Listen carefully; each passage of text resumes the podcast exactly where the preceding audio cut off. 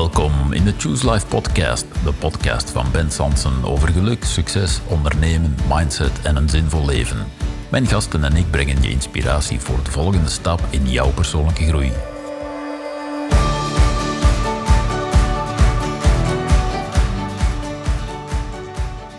Dag lieve luisteraar, over voluit voor je dromen gaan, over high-end business coaching, over ondernemen, over gaat niet, dat bestaat niet.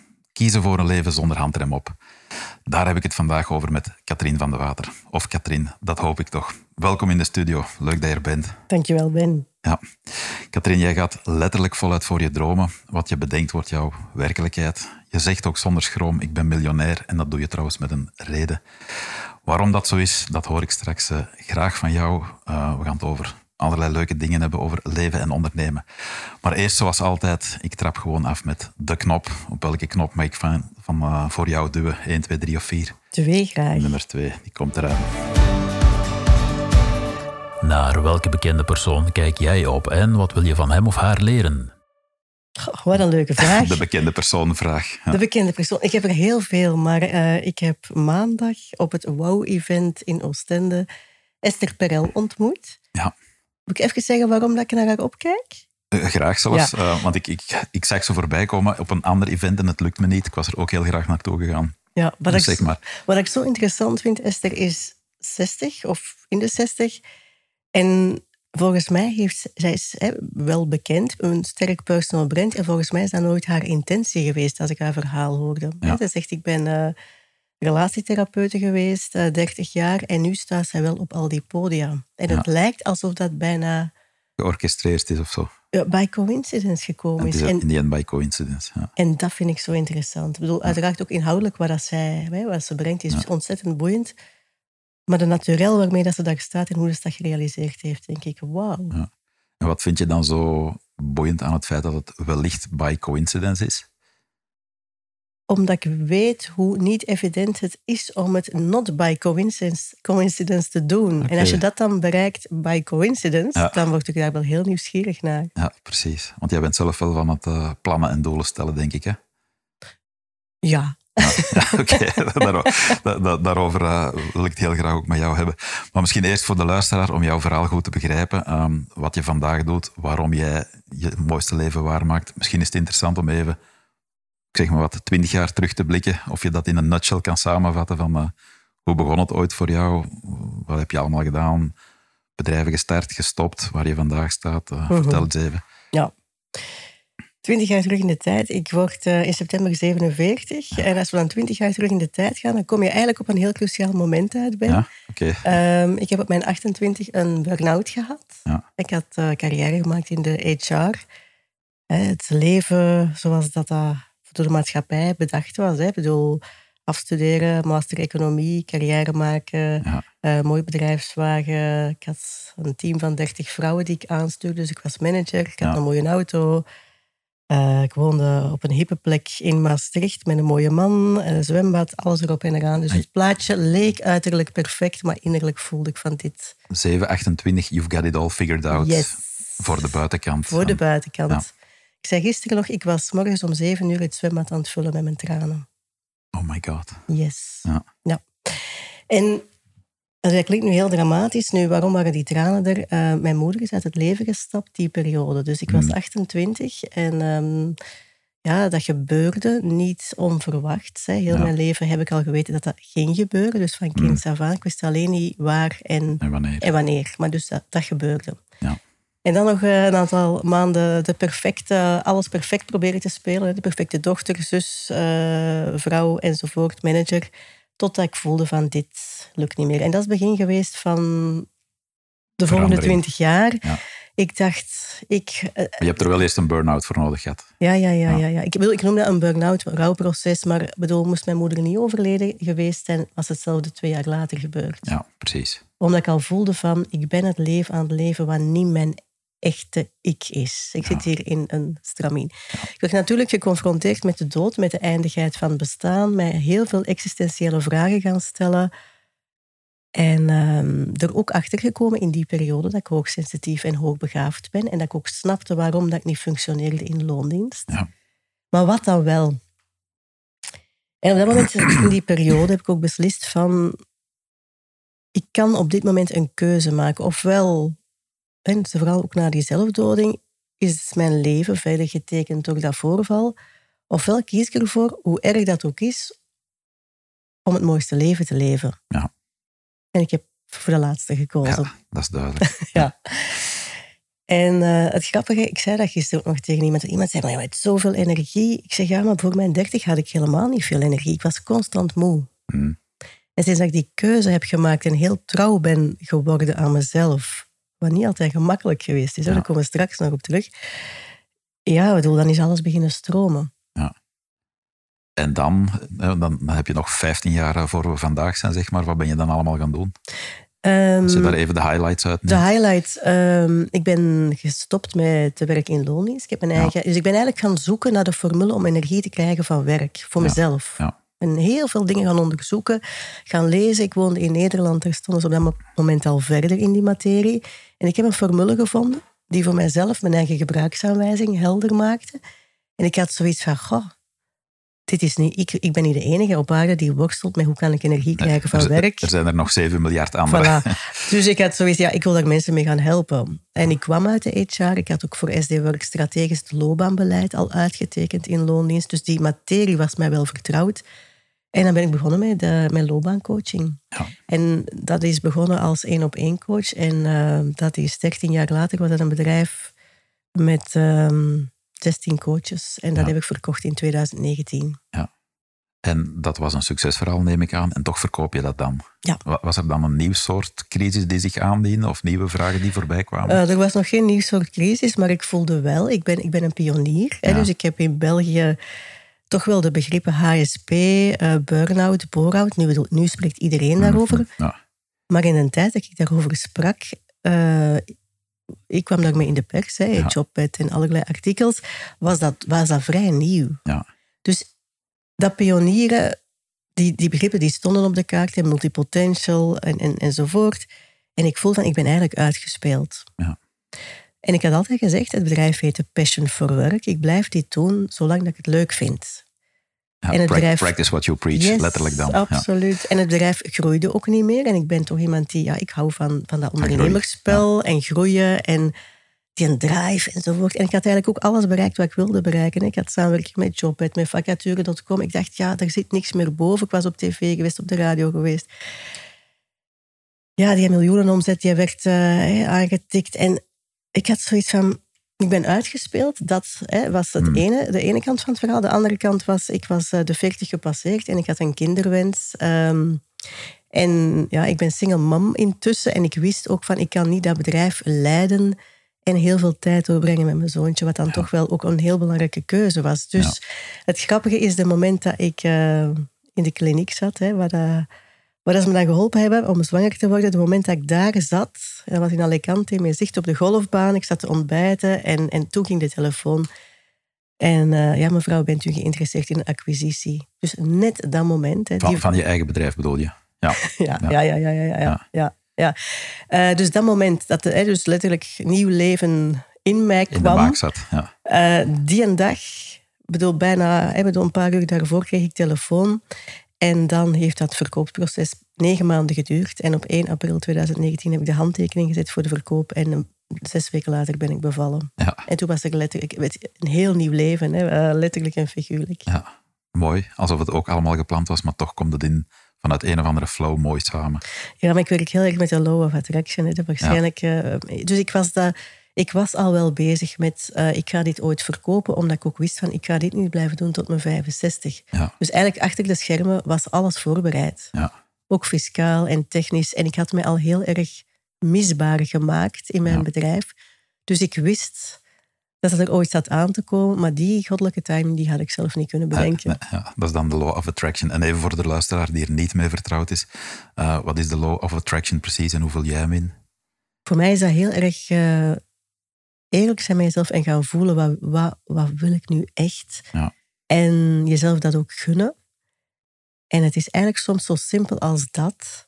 Van het moment dat je het jezelf gunt, dan komen er dingen in beweging. Dan komen Ja. er dingen op je pad die jou helpen om dat te realiseren. Ja. Ja, en dan zie je ze ook ineens allemaal. Misschien zijn ze er al, maar dan zie je ze weer niet. Exact. Ja, ja. En dan kom je ook echt in die flow dat dingen gewoon samenvallen, voor elkaar komen. En, uh, ja.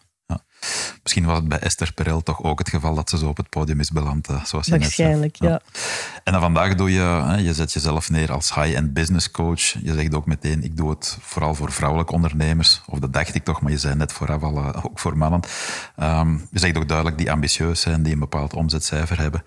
Um, is die focus voor jou heel belangrijk? Om echt te zeggen, die, ik doe dat voor die doelgroep? Absoluut, ja, ja. Uh, dus ik vertelde net van de verkoop van mijn, verhaal in, uh, van mijn bedrijf hè, in 2019. Ik heb dan uh, bevallingsverlof genomen, de mooiste zomer van mijn leven gehad. Hè, in between companies, heel veel tijd ja. om... het was een prachtige zomer toen. Heel veel tijd om te genieten van mijn baby, waar ik zo lang op gewacht had.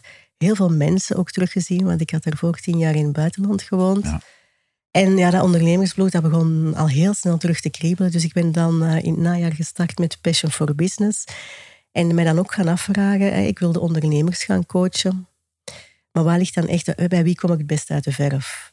En dat waren, dat waren geen starters. Dus ik wil echt werken met mensen die zeer ambitieus zijn in de zin van die zich willen richten op de bovenkant van de markt. Hè? Want Ja. in elk segment heb je low-end, mid-end en high-end. Ja, jij zegt expliciet, Ik ik, wil zit in het high-end segment. Ik zit in het high-end en ik wil mensen ook leren hoe dat ze zich kunnen positioneren in de high-end. En je Ja. kunt zeggen, waarom is dat dan zo belangrijk?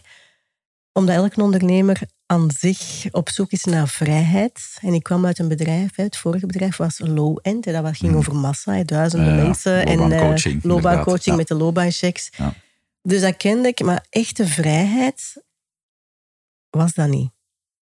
Er was heel veel stress. En ik kwam erachter, eh, ik heb heel veel businessmodellen onderzocht, dat dat high-end, ja, je, je werkt met een beperkt aantal klanten in dat hogere segment, aan hogere prijzen, echt hoge transformaties, kwaliteit staat centraal. En er is heel veel tijd voor jezelf. Hè? Ja. Ik werk zelf met 20 klanten per jaar. Ja. En ik zie dat ook bij mijn klanten. Ik bedoel, het leven wat ik nu kan leven, je hebt weinig kosten, ik heb veel tijd, ik heb fantastische klanten, die boeken geweldige resultaten. Denk ik, nu ervaar ik echte vrijheid. En Ja. dat is wat ik elke ondernemer gun. En welk type klanten komt dan tot bij jou? Kan je daar iets meer over vertellen? Ja, ik richt me eh, bewust op coaches, trainers, consultants met een omzet van minstens 100.000 euro. Ja. Omdat ik voel dat ik hen het allerbeste kan helpen. Ja. Ik kreeg gisteren een vraag van iemand die zei van, kijk, wij zitten in het hoger segment qua hotel. Kan jij, hè, dus een hotel, en, en zij willen mijn expertise inroepen. Maar ik ga dat niet doen. Ik, ga wel, ik heb een gratis overnachting gekregen, dus ik ga daar wel naartoe. En ik ga die wel gratis dingen vertellen. Ja. Maar ik kan... Als, als je kennisondernemers hebt, ja, daar kan je van uurtje factuurtje echt naar programma's gaan. Hè. Hmm. Ik had een advocaat als klant en die werkte dan, ik weet niet, misschien aan 100 euro per uur toen ze bij mij aankwam. En, een, en twee maanden later had zij een 150.000 euro programma verkocht. Ja. Bedoel, dat, Ja. dat zijn de dingen Dus, die dus je helpt mensen vooral om programma's uit te werken.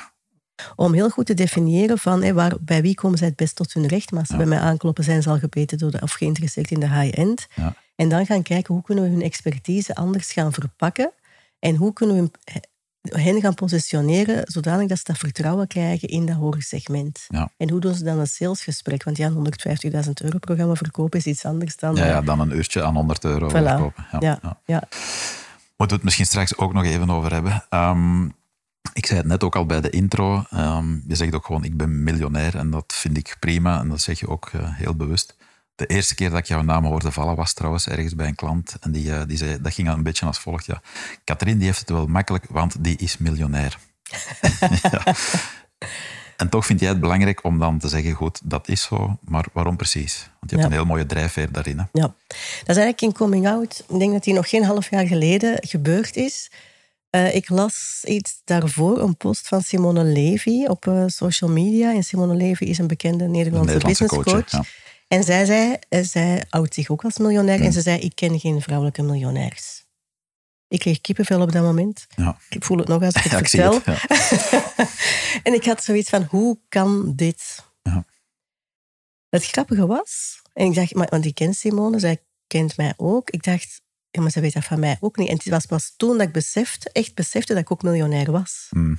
Ik ben daar nooit mee Je was bezig even je bankrekening gaan kijken en yes. Maar, nee, het staat ook niet op de bankrekening. Ja, Dat vragen mensen dan. ho- hopelijk niet. Hè, Nee, dus, precies. eh, Ja. Ik ben, dat, dat, is geen, dat is nooit een doel op zich geweest. Ehm, ik, heb, ik was er ook echt niet zo mee bezig, maar ik die post heeft mij wel getriggerd. Waarom? Een klant van mij is ook miljonair en er zat heel veel schaamte. Wij wisten dat van elkaar mm, wel, mm.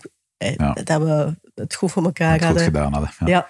Maar er zit, daar zat zoveel schaamte op, zowel bij haar als bij mij. Wij durven dat tegen elkaar zeggen, want we begrepen elkaar. Mm.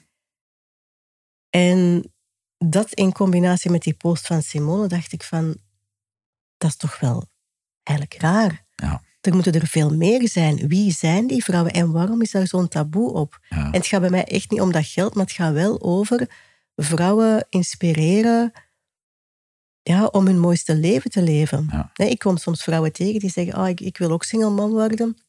Ja, die behandelingen die jij gedaan hebt in het buitenland en dan een kind alleen opvoeden. Ik heb een hele grote kinderwens, maar ik kan dat financieel, ik kan me dat niet veroorloven. dat is zo jammer. En dan denk ik, hoe jammer is dit? Ja. Ja, want het kan echt anders. En daarom wil ik die verhalen, en ik ga dus starten met een podcast, hè, want ik ga vrouwelijke miljonairs interviewen. En er zijn er meer dan twee, gelukkig maar. Er zijn er meer, want ik kom ze nu tegen, dus dat is het grappige. Hè, van, van het, van, um, ik, heb, ik heb daar een post over gemaakt en dan in DM zijn er heel veel vrouwen die gezegd hebben van oh, fantastisch, ik wil mijn verhaal wel delen. Ja. En dan zie je dat er heel veel wegen naar Rome zijn. Hè. Dus high-end is een manier. En trouwens, ik ben geen miljonair geworden door het high-end. Ik was dat daarvoor al, maar dat is een ander verhaal. Maar dan zie je dat die vrouwen op heel veel verschillende manieren dat gerealiseerd hebben, met heel verschillende drijfveren en ook wat dat die, hoe, zij nu leven en ook hoeveel ruimte er is voor charity. En dat vind ik ook een hele belangrijke. dat je er ook iets anders mee kan doen. Je zegt net van op eh, geld kleeft zo'n taboe. Heb je een idee waarom dat zo is?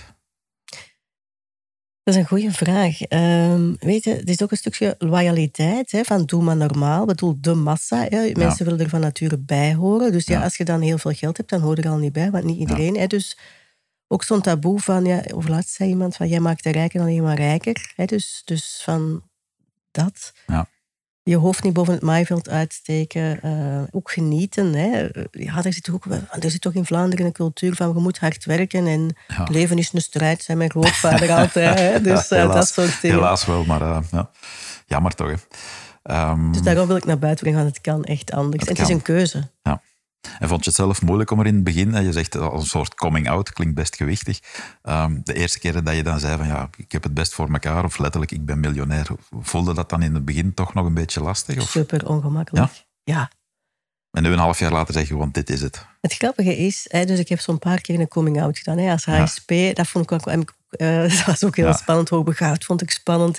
Single mom vond ik spannend. Miljonair vond ik spannend. Dus dat was allemaal spannend. Het grappige is van het moment dat je dat dan naar buiten gebracht hebt, dat een week nadien heel gewoon is Normaal om het... wordt. Ja. ja. dus dat heel snel er gaat. Er gebeurt letterlijk iets in je eigen denken en voelen. Hè? Je eigent je dat toe. Ja. Dus je, je geeft jezelf... De, je weet dat al wel, maar dan naar buiten en dan is dat precies een deel van je identiteit. Ja.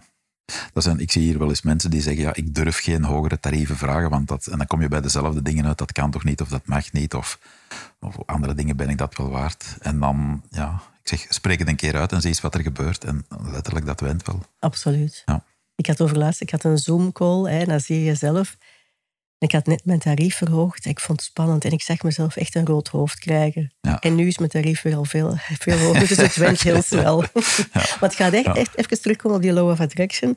Het gaat echt over het jezelf gunnen en het jezelf waard vinden om dat mooiste leven te geven. En op het moment dat die switch gebeurt, en ik voel het dan letterlijk aan mijn zon, of mm, echt voel ik het mm. dan draaien, ja, dan, dan, dan is het geïntegreerd en dan komt er van alles in de buitenwereld hè, dat ook begint te... Dus het is letterlijk als het ware jezelf toestaan dat het zo mag zijn. Mm Los van al die beperkingen die we ooit hebben meegekregen van onze ouders en onze omgevingen. Ja. ja. Is uh, geld dan belangrijk voor jou vandaag? Ja en nee. Hm? Ik wil zeggen in welke zin ja. Um, ik zou het leven dat ik leef niet kunnen leven zonder geld. Ik bedoel, ik ben gisteravond gaan netwerken. Mijn babysit kost 40 euro. Um, bedoel, mijn zoontje gaat naar zomerkampen. Ik heb een, een ja. ja. dat kost allemaal wel veel geld. Ik wil ook de beste zorg. Ik heb ook hulp in, in de huishouding. Op dit moment is mijn poetsvrouw uh, bezig. Er komt iemand koken. Ik heb een klusjesman. Ja, dat kost geld. Ja.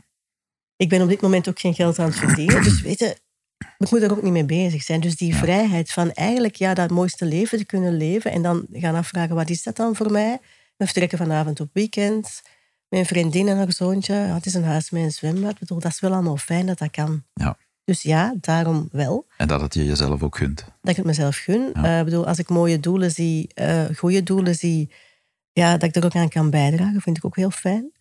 Hm. Um, dat ik ook niet moet wakker liggen van de bitcoins die gezakt zijn. Hè. Bedoel, ik ben veel geld kwijt, maar ik heb dagen nog niet slechter geslapen. Mijn vrouw vroeg er gisteren ook nog achter en ik heb eerlijk gezegd niet geantwoord. Voilà, dat is het veiligste. dat moet dan vanavond toch maar eens gebeuren. Ja. En dus nee, waarom zeg ik dan ook ja en nee? Um, ik weet ook dat ik kan genieten van hele simpele dingen en, en niet alles is met geld te koop. Ja. Dus het is een genuanceerd antwoord. Een beetje beide, ja. ja. En ik hoorde jou net ook zeggen van, eh, voor geld moet je keihard werken. Um, dat soort dingen heb je, had jij misschien meegekregen van thuis ook. Ja, mijn thuis Kempische, Kempische roots. Kempische roots, ja. Maar ik denk dat we dat in heel Vlaanderen wel hebben. Misschien nog verder ook. Uh, vooral hard werken en liefst dubbel zo hard dan de beurman. En dan ga je het wel voor elkaar krijgen. Ik denk dat jij er anders in zit. Jij zegt letterlijk meer geld in minder uren of zoiets. Heel slim werken. Ja. En echt door de keuze van dat businessmodel, daar, daar staat of valt alles mee. Ja. Dus... Uh, ja. En het niet kiezen is eigenlijk verliezen dan. Ja, het niet kiezen is doen zoals mainstream doet. En als coach, trainer, consultant kom je dan uit aan een tarief. Ik bedoel, als je dan... Overlaatst zei een vriend van mij, hij zei, ja, ik ben bij de duurste therapeuten hè, van, van de Benelux en ik vraag 300 euro per uur. Ja. Ik bedoel, ja, mijn klanten die verdienen, ik weet, want ze werken niet meer per uur, maar als je het gaat Mm. terugrekenen, gaat dat over veel meer. Dus het gaat echt over een, Ja. een fundamentele keuze om, om het anders te gaan doen. Ja. En niet zoals dat de massa doet. En wat zijn daar, daarin dan stapjes? Stel dat een luisteraar zegt, mm, interesting, uh, We gaan echt kijken mee op pad. we gaan echt kijken naar de toegevoegde waarde van jouw kennis. Ja. Even meenemen in dat verhaal van die 150.000 euro, hè, eh, van die advocaten. Ja, We hadden een 50.000 euro programma gemaakt voor haar, waarbij dat zij ondernemers volledig ontzorgt van hun juridisch geschil. Ja. Op een gegeven moment belt ze mij en zegt, ik heb een case. Eh, Het gaat over een mevrouw, ik ga niet te veel in detail treden veel van de privacy, maar eh, bedoel, het ging over miljoenen. Er stonden miljoenen op het spel. En verder kan ik daar niet over uitweiden. dat hè, maar, eh, ik. Ja. maar bedoel, als er miljoenen op het spel staan, wat is dan 150.000 euro? Penis. Ja. Voilà. Dus het gaat over heel anders gaan kijken, over value-based. En mijn klanten zeggen mij letterlijk van, Katrien, jij bent te goedkoop. Want als, we, als ik zie, zeggen ze, wat dat jij in één sessie kan doen op twee uur, bedoel, dat is zo mind-blowing. Dat fundament voor een heel ander leven wordt gelegd, hè, voor, Ja. voor passief inkomen enzovoort. Dat ze Ja. zeggen, maar je bent veel te goedkoop. Ja. Terwijl ik bij de drukste coach wel. Ja. Maar het gaat echt over dat zij de toegevoegde waarde meteen Ja, zien. precies. Ja. We zitten nog heel hard in een uh, uurtje factuurtje denken. Hè. Ik doe een uur iets en dan krijgt er iemand uh, een factuur voor of, of wordt een loon betaald. Mijn klanten zeggen letterlijk van mijn leven is compleet. Ik ben, ik, ze zeggen, ik ben als mens helemaal veranderd en mijn leven is helemaal veranderd. En je ziet ook die metamorfoses, dat worden anderen, dat is worden meer zichzelf. Ja, ja. En is het voor iedereen weggelegd? En dat heeft niet te maken met financiële, ehm, maar heeft te maken met bepaalde, weet je, dat high-end, ik zeg altijd, dat is veel complexer dan een hoger bedrag vragen. Hmm. Eh, Je moet je vak keigoed kennen, maar je hebt ook tijd om het goed te leren, want ik bedoel, allee, de mensen, ik, ik werk niet met starters, dus die mensen hebben dan wel een expertise, maar je hebt ook mega veel tijd om je te verdiepen en nog veel beter te worden in je vak, omdat je niet constant bezig bent. Ja. Maar je moet dat ook kunnen dragen. En je moet als persoon ook tegen afwijzing kunnen. Ja. En je ego moet er ook tegen kunnen dat je geen tien aanvragen meer per dag krijgt. Hè? Ja. Maar goed, twee per maand is ook voldoende dan. In absoluut, euro's. Ja. absoluut. Ja. Maar dus je, je moet ook niet, ik zeg maar wat, hoogbegaafd of HSP zijn of zeer exceptionele eigenschappen hebben. Je zegt gewoon, je moet een oordegelijke kenniswerker zijn. het hoeft niet, maar ik merk wel dat het zeer goed aanslaat bij HSP'ers en hoogbegaafden. Waarom? Ehm ja, HSP'ers houden ook van schoonheid, van kwaliteit. Die willen ook niet zes klanten op een dag doen, zoals ik vroeger in mijn- Ik, ik Mhm. coachte hè, zes, zes klanten per dag, een HSP'er. Ik kan dat ook een duurzaam niet volhouden. Ehm, en het hoogbegaafd, het gaat echt over heel erg in de diepte en heel minutieus gaan kijken van wat is er minimaal nodig voor een maximale transformatie. En het is wel op een heel hoog niveau. Dus die mix maakt dat dat, dat, dat high-end ondernemen wel voor de combinatie HSP en of hoogbegaafd Ja. zeer aantrekkelijk is. Dus de Ja. meeste van mijn klanten Hebben, hebben dat zo. streepje voor. Ja. Ja. En als mensen, je hebt het net over starters, je ziet heel veel starters en als het dan gaat om waardebepaling, dan kijken ze vooral om zich heen. Wat vraagt buurman links en rechts of concurrent links en rechts? En dan zitten ze ergens midden in dat veld waar eigenlijk de meeste concurrentie is, want iedereen zit daar. Mhm. Ja. Hoe, hoe bepaal je dan, hè, je zegt van het gaat om toegevoegde waarde, maar hoe bepaal je dan of je 300, 3000 of misschien zelfs een veelvoud waard bent? Dat is eigenlijk een heel ehm, subjectief iets. Ja. Dus we gaan echt kijken naar de toegevoegde waarde. En dan, en dat kan je ook niet altijd direct hebben, want het is Mm. korte termijn, lange termijn, maar daar gaan we het wel over hebben. En dan gaan we puur gevoelsmatig daar een bedrag op plakken. Dat, dat de klant stretcht, Ja. maar je moet het wel uitgesproken krijgen. Ja. Hè? En je moet het verkocht krijgen. En moet, maar daar ga ik bij helpen. Hè, van Ja, hoe doe je dat? ja. En dan gaan we dat opbouwen. Van als je daar hè, twee ja's voor gekregen hebt, en dan gaan we dat stelselmatig... En het gaat niet alleen over die prijs opbouwen, maar door het feit dat ze klanten daarvoor hebben, gaan ze heel de tijd, en dat is iets wat ik zo boeiend vind aan de high-end ondernemen, continu fine-tunen. Ik ben continu aan het kijken, hoe kan ik het nog beter maken? Hè? Met alles wat ik leer van klanten, welke feedback krijg ik? Hoe kunnen we gaan fine-tunen? Hoe kunnen we die belevenis nog beter maken? Enzovoort. Ja. Dat zijn dingen dat ik bijvoorbeeld in mijn vorige bedrijf... Ik gaf eh, vijf of zes jaar lang dezelfde training en die werd gewoon klakkeloos altijd herhaald. Ja, ja. En nu is het continu, minutieus gaan kijken, ja, dat kan nog beter, dat kan nog anders. Dus Ja, eigenlijk is ja. Continuous and never-ending improvement. Yes. En daardoor wordt de waarde ook altijd maar hoger. Hè? Ja. Ja, tuurlijk. Mag er niet aan denken, zes jaar lang hetzelfde doen. weet je, dat was toch gewoon massa. Hè? Dat Ja. en en dat, dat stoomt op de duur af. Ja, dat kan ik me voorstellen. Mhm. ja. En als je dan eh, meer tijd hebt en ook meer eh, inkomen, hoe word je dan echt financieel vrij? Want dat is voor jou denk ik ook een, eh, een streven. Hè? Dan is het interessant om het geld ook goed te gaan beheren. En er zijn Ja. heel veel fiscale optimalisaties die geen ene boekhouder jou vertelt. Dus ik ben daar naar op zoek gegaan. En eh, ik heb het geluk gehad dat er een aantal mensen mij daar goed in geholpen hebben. En dat zijn ook dingen die ik leer aan klanten. Ja. Hè, van hoe, want je kunt wel, als je niks doet en je, je bent een goede ondernemer, ja, dan zie je op je bankrekening een mooi getal, op je zakelijke rekening. Maar privé zie je daar niks van terug, want zo'n fiscale reden houdt je je loon laag. Ja. Dus dat is frustrerend, want eigenlijk ben je heel rijk, en Ja. zakelijk gezien, Ja. maar privé helemaal niet. En wat ik dan doe aan klanten is twee fiscale constructies vertellen, hoe dat je een stuk van je bedrijf hè, naar je privé kan overhevelen, zodanig dat je naast je loon ook nog passief inkomen hebt. Ja, en als ik dat ontdekte, toen dacht ik, ja, nu wordt het wel ondernemen wel echt heel plezant. Ja, ja, nu wordt het pas echt de moeite. Ja, ja, ja, absoluut. Ja. Ja. En gaat het dan ook om eh, meer, want je hebt het over fiscale constructies, meer over banale dingen als, we lieten het net al vallen, bitcoin, beleggingsfondsen, vastgoed, noem maar op. eh. Nee, het ene heeft te maken met auteursvergoedingen. Dus Ja. dat je jezelf vanuit je bedrijf een serieuze auteursvergoeding kan toekennen, wat dat heel veel mensen niet weten. En het andere heeft te maken met IPT, VAPZ en daar privé investeringsvastgoed mee kopen en dan hefbomen daarop zetten enzovoort. ja, ja. Dus ehm, Interesting. yes. Ehm alright. Misschien moeten we ook nog op een ander domein inzoomen. Eh Katrien, we hebben het vooral over geld, maar het gaat natuurlijk ook over je mooiste leven leiden. En je hebt ooit, eh, de trigger, of het moment was dan 7, 28, waar je zelf een beetje begon vast te zitten, waar je je moeder ook hebt verloren. Ehm, hoe doe je het dan vandaag? Zeg je van, dat zijn mijn dromen, dat zijn mijn doelen, en stel je die elk jaar opnieuw op? Of Mhm. hoe, hoe geef jij je mooiste leven vorm, zeg maar? Ja. Ehm, een van mijn grote dromen in het verleden was wonen in het zuiden. Ik was al jarenlang verliefd op Spanje en ik had zo echt het gevoel van, goh, ik ben er niet de enige, maar ik hoor dat iedereen tegenwoordig naar Spanje of naar Lapland. Het hè. gaat daar gezellig druk worden. Dus ik had zoiets van, "Ga, ik ga niet wachten tot mijn pensioen. Ik had ook ervaren dat leven kort kon zijn. Ja. Hè? Maar ik dacht, ja, dan moet ik miljonair zijn. En dat was ik toen niet. En eh, ja, ik ben op mijn 38 ben ik naar Spanje vertrokken. Heb ik, eh, omdat ik, er ook, ik ben dan gaan onderzoeken van hoe doen mensen dat dan? Hoe doen de mensen dat die, geen, die niet op pensioen zijn of geen miljonair zijn? Ik kwam er ook achter dat je voor heel weinig geld een prachtig huis kan huren in Spanje. Dus ik heb dan een levensstijl gehad dat ik drie weken per maand in Andalusië woonde en één week per maand in België. Mijn bedrijf zo opgezet dat ik misbaar was. Ik had een heel team dat ik Mhm. aanstuurde van ginder. Dus dat was dat. En dan na drie jaar eh, begon het toch wel een beetje eenzaam te worden. Zo tussen de olijfbomen hoog in de bergen. Ik woonde Ja. echt in paradise. Ja. Maar ik begon toch wel wat mensen te missen. En eh, toen ben ik op reis gegaan naar Ibiza. En toen voelde ik dat daar een heel andere community was. Hè, van like-minded people, ondernemers, jonge mensen. En ik zat toch in Spanje tussen de gepensioneerden. Als ik dan al buiten kwam. Ehm, en dan ben ik verhuisd naar Ibiza.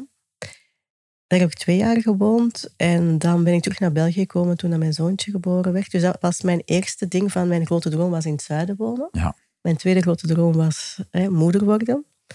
En eh, ik maak nu nog elk jaar opnieuw mijn doelen op voor het volgende jaar. Van Ja. wat, wat zou nu mijn leven verrijken?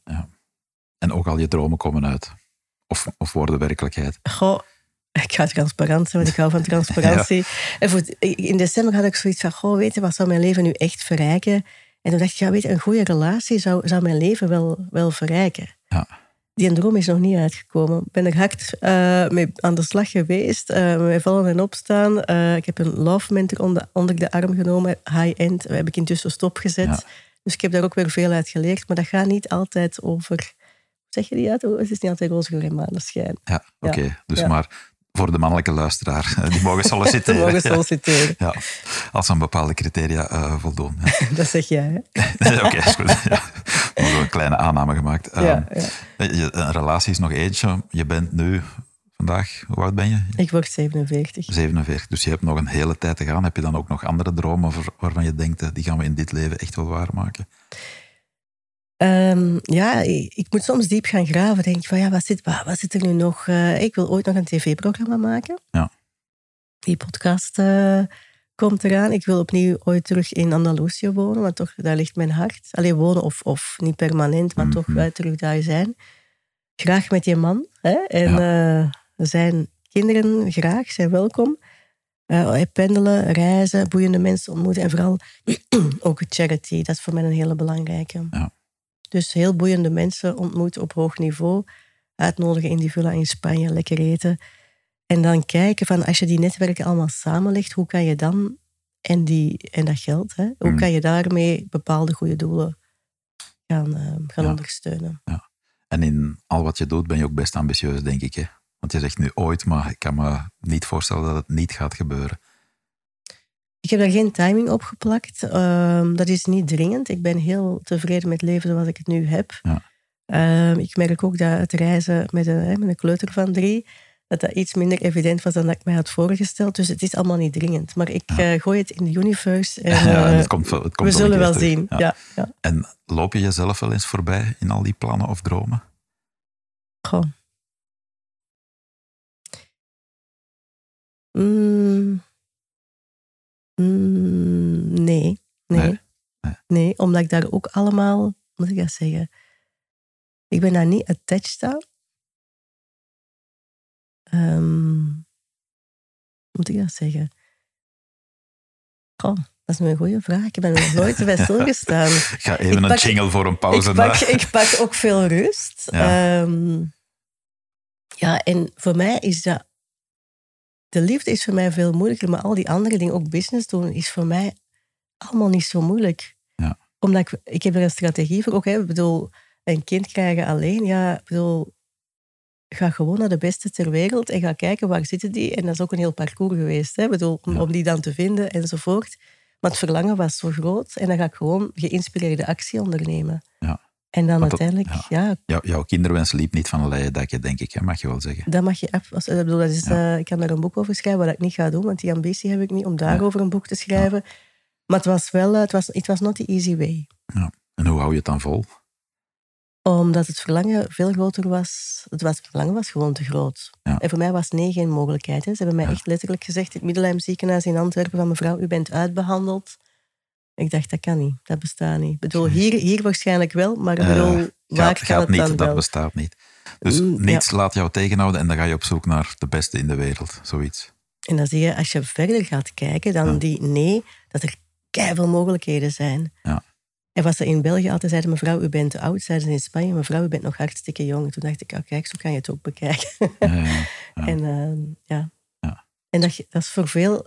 Er zijn zoveel mogelijkheden, maar je moet ze vinden. Hè. Ja, ik hoorde een Amerikaanse coach ooit zeggen: reject rejection. Accepteer geen nee.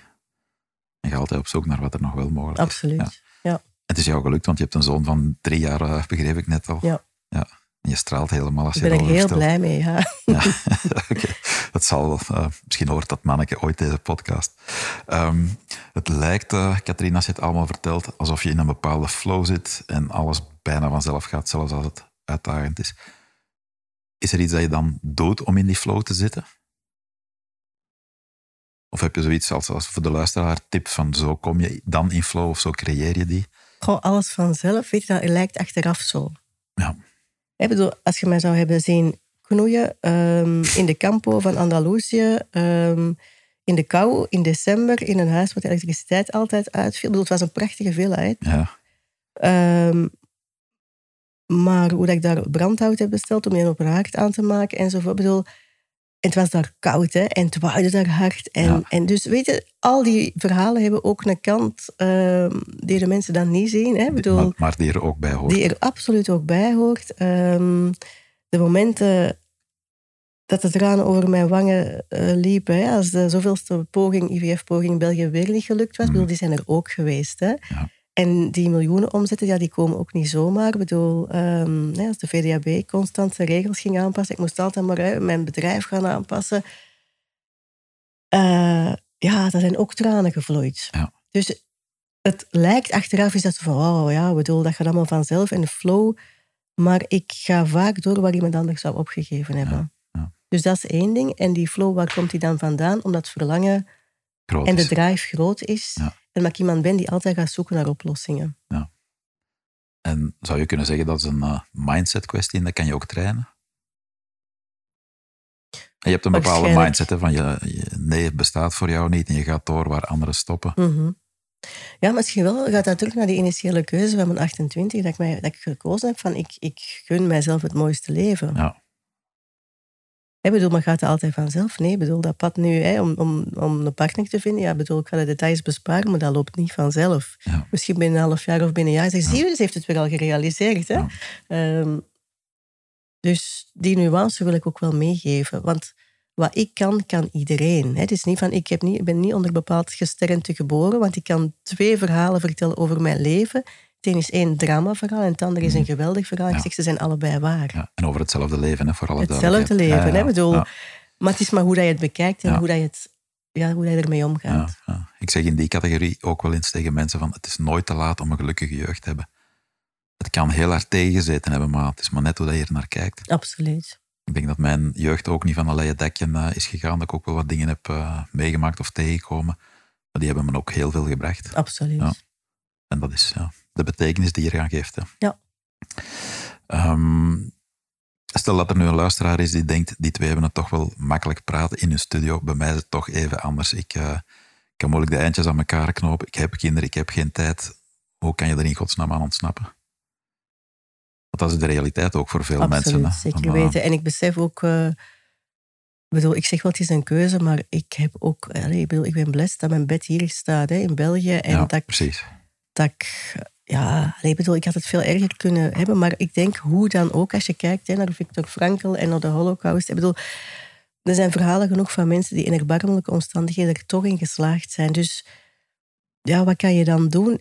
Heel goed gaan voelen van, waar verlang je naar? Ja. En dan toch gaan kijken, hoe kan je dat dan, misschien is het minutieus, maar toch in je leven brengen. En het misschien ook expliciet maken waar je naar verlangt. Want we durven al nauwelijks groot dromen, denk ik. Laat staan dat we het ook nog eens durven uitspreken. Absoluut. Ja, meestal tegen dat er iets uit onze mond komt, is onze droom heel klein geworden. En Want- dat is een hele belangrijke wat je Ja, zegt, Ben. ja. Want, want ehm, dat is toch wat ik zelf ook tegenkwam. Al die keren dat ik uitspreek van oh, ik wil in Spanje wonen, dat gewoon nog maar naar buiten brengen. Of, of ik, ik verlang een kind. Ik weet nog hoe, in welke café dat ik zat toen ik dat vertelde tegen een vriendin. Hè, van, dat, voelde, dat was ook een coming out hoor. mm, En eigenlijk het uitspreken is al een heel groot deel van, eh, van de realisatie. Hè? En dan heb je ook nog eens de omgeving, want je hebt de eigen stemmetje in je hoofd, maar je hebt ook die omgeving die zegt dat is toch niet realistisch Oh of ja. dat is toch niet haalbaar. of- Oh ja, ja, Ja. ja. ja. Mijn vader heeft mij dikwijls gezegd, "Ja, maar wat jij, wat jij wilt, dat is toch niet realistisch? Ja. Ja, dat wil toch iedereen? Ja.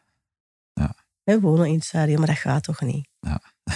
Ja, dat gaat dus wel, hè? Ja, toch wonen daar mensen, blijkbaar. Ja, ja, ja. ja. En dan ben ik gaan onderzoeken, Ja. inderdaad, hoe wonen die? Hoe, wat doen die mensen? Hè? Dus ik ga altijd op zoek naar rolmodellen van wie, wie leeft er en, en Ja. zoals dat jij wil en hoe doen die dat? En daar zitten heel veel antwoorden. Hè? En ik denk dat dat een heel belangrijk is. Ik zeg, ik zeg ook vaak van, find your hero. Ga op zoek naar de man of vrouw die het al heeft gedaan en ga kijken van, hoe hebben die dat gedaan? En dan blijkt het niet altijd heel moeilijk te zijn. Voilà. Heb je zelf ook dat, eh, dat stemmetje in je hoofd, die, die, inner, eh, die innerlijke criticus, en hoe ga je daar dan mee om? Of heb je die al lang eh, in de kiem gesmoord? Die zal er zeker af en toe wel zijn, Ja. hoor. Maar omdat ik mezelf dat mooiste leven gegund heb, ja, is dat dat zo voorop, dat die, kin- die criticus eigenlijk niet heel veel ruimte krijgt. Ja. En als hij wel opsteekt? Ja, we een pauze moeten inlassen, want ik moet even nadenken. Nee, ik, ik, zie letterlijk bij jou dat hij er eigenlijk niet meer is. Nee. Ja. ja. En als je dat bij andere mensen ziet, want dat zie je toch vaak, hè? zeker in ons vak, dat dat stemmetje altijd meteen influistert van... Uh... Ja, maar ik breng mensen ook al van in het begin, voordat, voor hun eerste sessie, breng ik al hen in contact met hun verlangen. Ja, altijd terug naar dat verlangen. Altijd terug naar dat verlangen. En ook altijd van, stel dat er niks verandert, hè, hoe gaat je leven er dan uitzien? Dus eh, brengen naar de pijn en het verlangen. En die mindset is al in het salesgesprek gezet. Ja. En dat maakt dat hij echt voelt, maar dit is wat ik wil. Ook al is dat not the easy way. Hè. Ja, no matter what. Uh, als het verlangen groot genoeg is, dan zijn de uitdagingen En ze komen ook in een bad van, hè, van in een community. Ik breng mijn klanten ook met elkaar in contact. Er zijn Q&A's in groep, zijn groepsdagen en naast de individuele sessies. Dus zij horen ook de anderen in datzelfde traject zitten en dat geeft ook heel veel steun. Ja. ja. Dus een goede coach is heel belangrijk. Absoluut. Ja, we gaan even voor onszelf pleiten.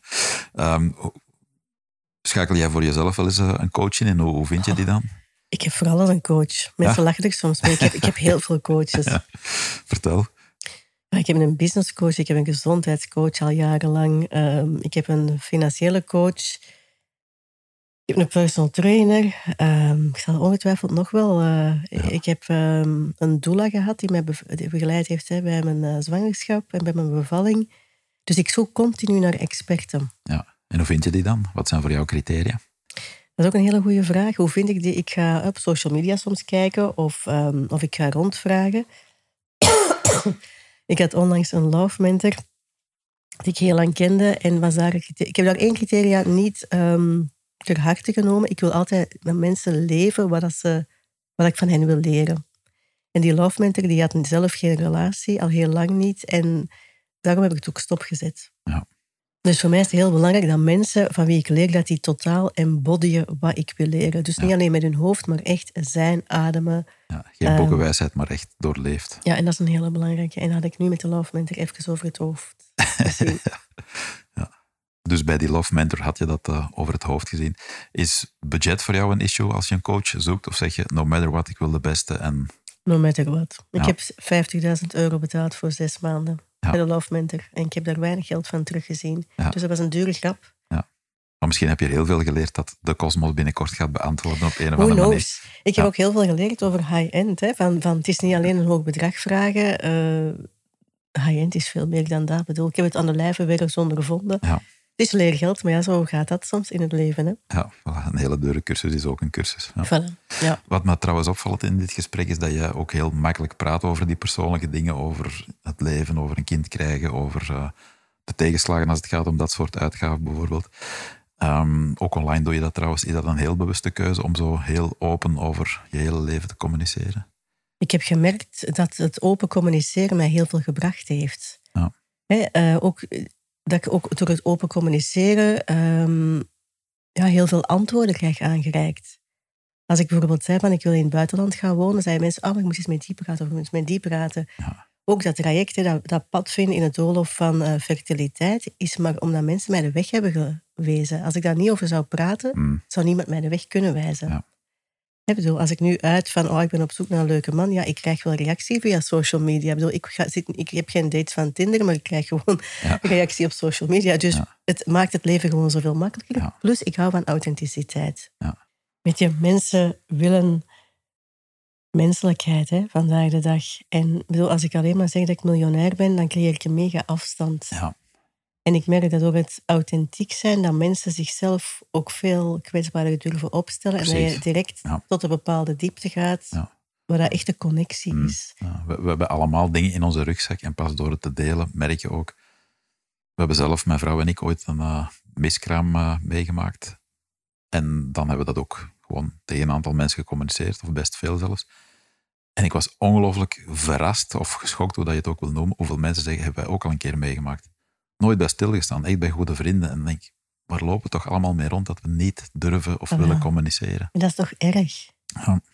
Bedoel, Mensen, mensen houden echt graag de ellende in hun eigen rugzak. En dat, ja, hebben we dat dan ook meegekregen van thuis of zo? Of, uh, maar dan kan je ook de steun niet ontvangen. Hè? Nee. Ja, precies.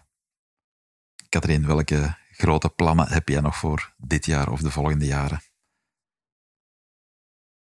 Ja, die podcast, hè. Ik ben trouwens heel nieuwsgierig. Je start ermee deze zomer, zeg je? Dat is de bedoeling, maar Ja. ik ga mezelf ook niet onder druk zetten. Ja. Dat is ook iets wat ik, wat ik geleerd heb. Van, ehm, ik maak wel doelen, en, eh, maar ik ga altijd op de golven van mijn energie. Dus je past je doelen ook aan in functie van je Ja, energieniveau en je Absoluut. En gezinssituatie. ik stel, die, ik stel mijn doelen ook bij. Ik bedoel, als dat nu het najaar is, of stel worst case dat dat januari is, is dat ook helemaal niet erg. Ja. Dus ik ga, stress eh, is aan mij niet meer besteed. Ja. Ik werk dan soms persoonlijke processen, ook nu hè, met die love en wat ik er allemaal in tegenkom. Ja, dat dat wel tijd vraagt. En dan, dan neem ik ook die tijd en dan kan die podcast echt wel even wachten. Het gras groeit niet rapper door er aan te trekken, zoals Voilà. men zegt. Ja. Voilà. En ik, ik wil gewoon ook niet meer eh, onder druk. Ik, ik golf op de, of ik surf op de golven van mijn energie. En Ja. daardoor kan je ook heel veel in flow doen. Hè? Precies. We leggen ons veel te veel druk op. eh. Misschien nog één vraagje aan het einde, Katrien. Ehm, wat is een levensinzicht dat jij je zoon wil meegeven en dat je ook wilt delen met de luisteraar? De number one tip voor een geslaagd leven misschien of zo? Ja, celebrate life. Hè? Ja. Wij vieren veel en wij dansen veel. En ja, bedoel, 's morgens de muziek opzetten en, en, en wij, wij starten de dag dansend. Jij met je vaak. zoontje. Ja, ja, ja. Ja? ja, ja. ik ben het me zo aan het We hebben, inbeelden, lijkt me we heel hebben leuk. echt heel veel fun. En bedoel, wij, wij gaan weekendjes weg en vakanties en we gaan naar speeltuinen. Ja. Bedoel, leef dat mooiste leven, maar ook in de, in de kleine dingen. Dat gaat niet over Kilimanjaro's beklimmen eens. Hè, Hm. Once in a lifetime, dat gaat over wat kan ik vandaag de dag nu Ja. met mijn dierbaren doen om het leven te vieren. Ja. Dat. Het is grappig dat je Kilimanjaro zegt. Mijn vrouw gaat het in september wel doen. Ah, ja, maar fantastisch. Hè? Ja, bedoel, absoluut. Maar ik denk dat we ook wel van de hele kleine dingen heel hard kunnen genieten. Ja. Alright, fijn dat je dat eh, je zoon kan meegeven. Ik ben even zijn naam vergeten trouwens. Andres. Andres, ja, mooi. Ehm Katrien, we gaan afronden. Ik ben je heel dankbaar ehm, voor het feit dat je hier bent, voor de inzichten die je deelt. Hoe jij door het leven gaat, dat is ongetwijfeld een voorbeeld voor heel wat luisteraars. En eh, als mensen jou willen contacteren, dan kunnen ze dat ook via je website, passionforbusiness.be, als ik Mhm. eh, het goed heb genoteerd. Ja. Ja. Ik zet ook al je coördinaten nog op onze website. En voor jou als luisteraar, fijn dat je er weer was. Is er een onderwerp dat je boeit of je denkt, die persoon wil ik ook wel eens in de podcast horen? Laat het ons even weten via social. Op Facebook of Instagram is dat gewoon Ben Sansen taggen of stuur me gewoon een mailtje naar academy.bensansen.be. Geloof jij ook dat het de moeite is om voluit voor het leven te kiezen? Wil je anderen ook inspireren om hetzelfde te doen? Word dan deel van onze Choose Life community en deel zeker deze podcast met al je vrienden. Samen voor een zinvol en geslaagd leven. Of zoals Katrien zegt, celebrate life. Volgende aflevering komt Dr. Christophe Korten ons vertellen hoe hij dat doet en welke transformatie hij heeft doorgemaakt de voorbije jaren. En uh, we zijn daarmee aan het einde. Katrien, dankjewel. Dankjewel, Ben. Ja, en dankjewel luisteraar. Ik wens jou en al je dierbaren een mooie dag, zoals altijd. Uh, en ik rond ook af met mijn twee meest favoriete woorden. Choose life of celebrate life, zoals Katrien dat zegt. Dankjewel.